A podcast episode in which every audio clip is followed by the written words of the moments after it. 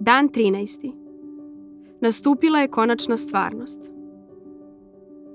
Glavno u ovome što je rečeno jeste da imamo takvog prvosveštenika koji je seo s desna prestolu veličanstva na nebesima, koji služi u svetilištu u pravom šatoru koji je podigao gospod, a ne čovek. Oni služe slici i senci onoga što je na nebu.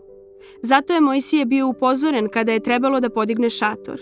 Pazi, reče, da sve načiniš prema uzoru koji ti je pokazan na gori. Jevrejima 8, 1 do 2, 5. O tome smo već govorili, ali ima još. Božić je zamena senki stvarnošću.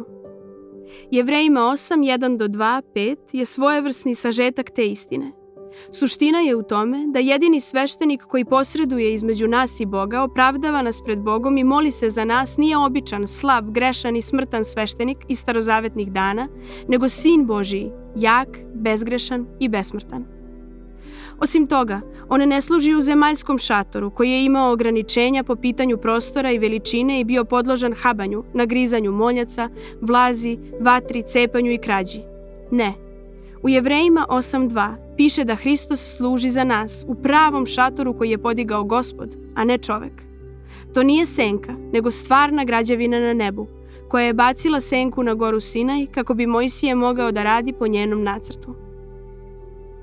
Prema Jevrejima 8.1 postoji još jedna sjajna stvar koja se tiče stvarnosti koja je veća od senke. Naš prvosveštenik sedi s desna veličanstvu na nebesima. Nijedan starozavetni sveštenik to nije mogao da kaže za sebe.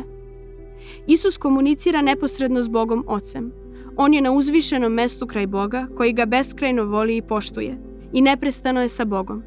To nije stvarnost koja se sastoji od senki, kao što su to bile zavese, zdele, stolovi, sveće, odore, rese, jagnja, djarci i golubovi, nego konačna, krajnja stvarnost. Bog i njegov sin komuniciraju u ljubavi i svetosti radi našeg večnog spasenja.